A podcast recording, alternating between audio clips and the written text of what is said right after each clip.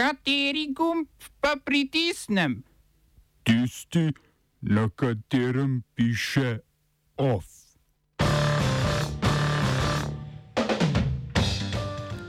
Končan umik ameriške vojske iz Afganistana. Odobren referendum o kitajski univerzi v Budimpešti. Izredne razmere na Šrilanki. Srečanje izraelskega obramnega ministra Benja Ganca in palestinskega predsednika Mahmuda Abasa.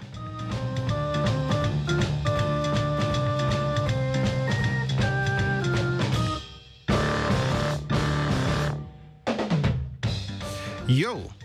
Ameriška vojska se je dokončno umaknila iz Afganistana, potem ko je zaključila evakuacijo približno 120 tisoč civilistov, med njimi tako ameriških državljanov, kot tudi afganistanskih sodelavcev in njihovih družin. Talibi so se na to odzvali z izjavo, da se je Afganistan končno osamosvojil, prav tako so zauzeli letališče v Kabulu.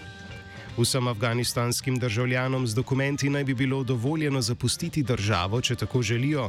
K spoštovanju te obljube pa poziva tudi resolucija Varnostnega sveta Organizacije Združenih narodov.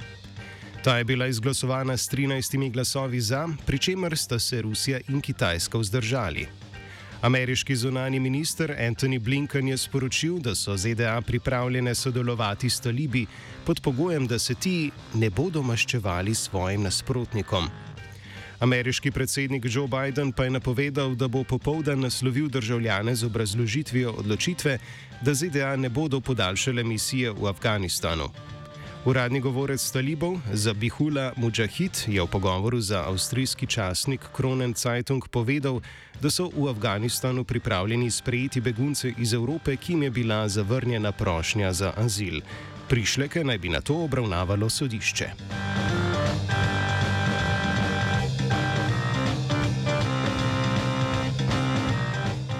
Generalni sekretar Združenih narodov Antonijo Guterres je najavil konec 20-letne kampanje za prenehanje uporabe osvinčenega benzina, ki jo je vodil okoljski program Združenih narodov, krajše UNEP. Ta se je lahko zaključila potem, ko je Alžirija kot zadnja država na svetu v juliju porabila svoje zadnje zaloge tovrstnega goriva. Izvršna direktorica UNEP-a Inger Andersen je sporočila, da uporaba usvinčenega benzina prikazuje napake, ki jih človeštvo dela na vseh ravnih družbe. Dodajanje svinca sicer poveča oktansko število benzina in s tem preprečuje klenkanje motorja oziroma nepravilno detonacijo v valju, hkrati pa povečuje zmogljivost in manjša porabo. Prenehanje njegove uporabe pa se nanaša zgolj na cestna vozila, saj se svinec še vedno dodaja nekaterim letalskim gorivom. Čeprav je toksičnost svinca znana že iz antike, so se prizadevanja za ukinitev njegove uporabe v gorivih začela šele v 70-ih letih, med drugim zaradi uspešnega lobiranja petrokemične industrije v ZDA.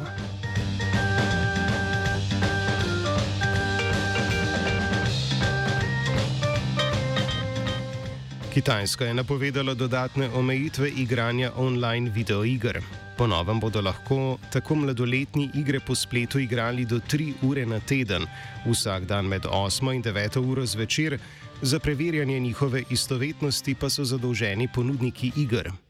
V državni tiskovni agenciji so sporočili, da je namen ukrepov zmanjšanje odvisnosti od videoiger med mladostniki. Ti se morajo sicer za igranje identificirati z osebno izkaznico. Tehnološko podjetje Tencent pa identiteto igralcev preverja s tehnologijo za prepoznavanje obrazov. Do sedaj so mladoletni sicer lahko igrali igre do 90 minut med delovniki in do 3 ure med vikendi in šolskimi počitnicami.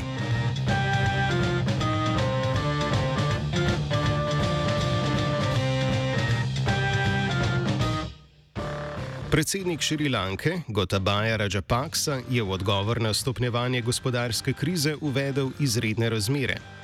Prav tako je predsednik uvedel izredne ukrepe za boj proti kupičenju hrane, ki oblastem omogočajo zaseg zalog hrane pri trgovcih, pa tudi aretacijo ljudi, ki kupičijo hrano. Vlado pa je pooblastil za določanje cen osnovnih živil, kot sta riž in sladkor. Šrilanka se ob že tako visoki zadolženosti sooča z upadom ekonomske aktivnosti, ki je posledica ukrepov za zamejitev širjenja novega koronavirusa. Državo predvsem pesti kriza valute, zaradi česar ji zmanjkuje denarja v trdni tuji valuti za uvoz osnovnih življenjskih potrebščin. Ministr za gospodarstvo, Udaja Gamanpila, je voznike pozval k varčnejši porabi goril. Vodja državnega uradništva Punči Banda Žaja Sundara pa je izjavil, da je v državi treba zmanjšati porabo goril, ukolikor se želijo izogniti omejevanju dovoljene količine nakupa goril.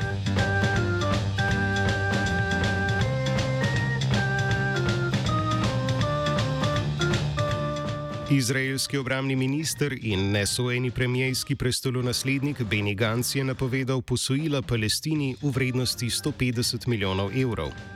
Gantz se je sicer v nedeljo srečal s palestinskim predsednikom Mahmudom Abbasom, čigar oblast želi ukrepiti Izrael z namenom onemogočanja oziroma zamejevanja širjenja vpliva gibanja Hamas. To je srečanju nasprotovalo. Govorec Hamasa, Hazem Kasem, pa je izjavil, da bo srečanje še poglobilo delitev med palestinci in dodatno zapletlo njihovo situacijo. Sogovorca sta sicer izrazila namero za nadaljne srečanja.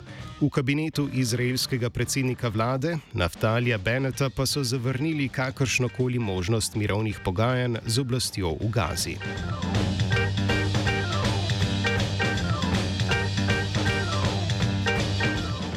Mačarska volilna komisija je odobrila izvedbo referenduma o postavitvi kampusa Kitajske univerze Fudan v Budimpešti. Če na odločitev komisije ne bo pritožb, se bo zbiranje 200 tisoč potrebnih podpisov podpore referendumu pričelo naslednji mesec. Glavni pobudnik referenduma je župan Budimpešte Gergeli Karašon, sicer predsednik mađarske stranke Dialog za Mačarsko in kandidat za predsednika vladne koalicije omenjene stranke ter zelene stranke in socialistične stranke na prihajajočih parlamentarnih volitvah. Razlog za nasprotovanje projektu je predvsem predvidena schema financiranja izgradnje, po kateri bi veliko večino stroškov krila Mačarska prek posojila Kitajske v vrednosti 1,3 milijarde evrov. V znak nasprotovanja je občina Budimpešta preimenovala ulice okrog zemljišča, na katerem naj bi stala univerza. Ena od njih tako sedaj nosi ime Ulica ujgurskih mučenikov. Oba, če, če bom odgovoril na angliški. Slovenija will try to help. We can Slovenija will and we will do our utmost To say that the situation is our problem ourselves. and uh, We will make further steps as soon as the conditions are. bomo vlado Marjana Cererja, Mira, Marjana Cererja Šarca podprli. uh, very, very serious. we know how and we will.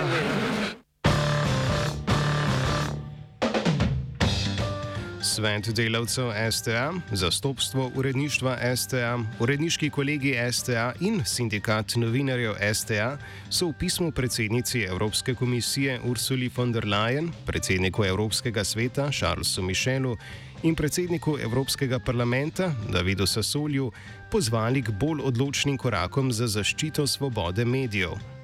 Povod za pismo je sicer ustrajanje vlade oziroma njenega urada za komuniciranje, krajše UKOM, pri neplačevanju obveznosti do STA.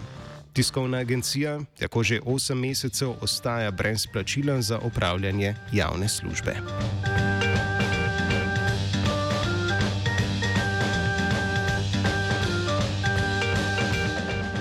OF je pripravil Svetina.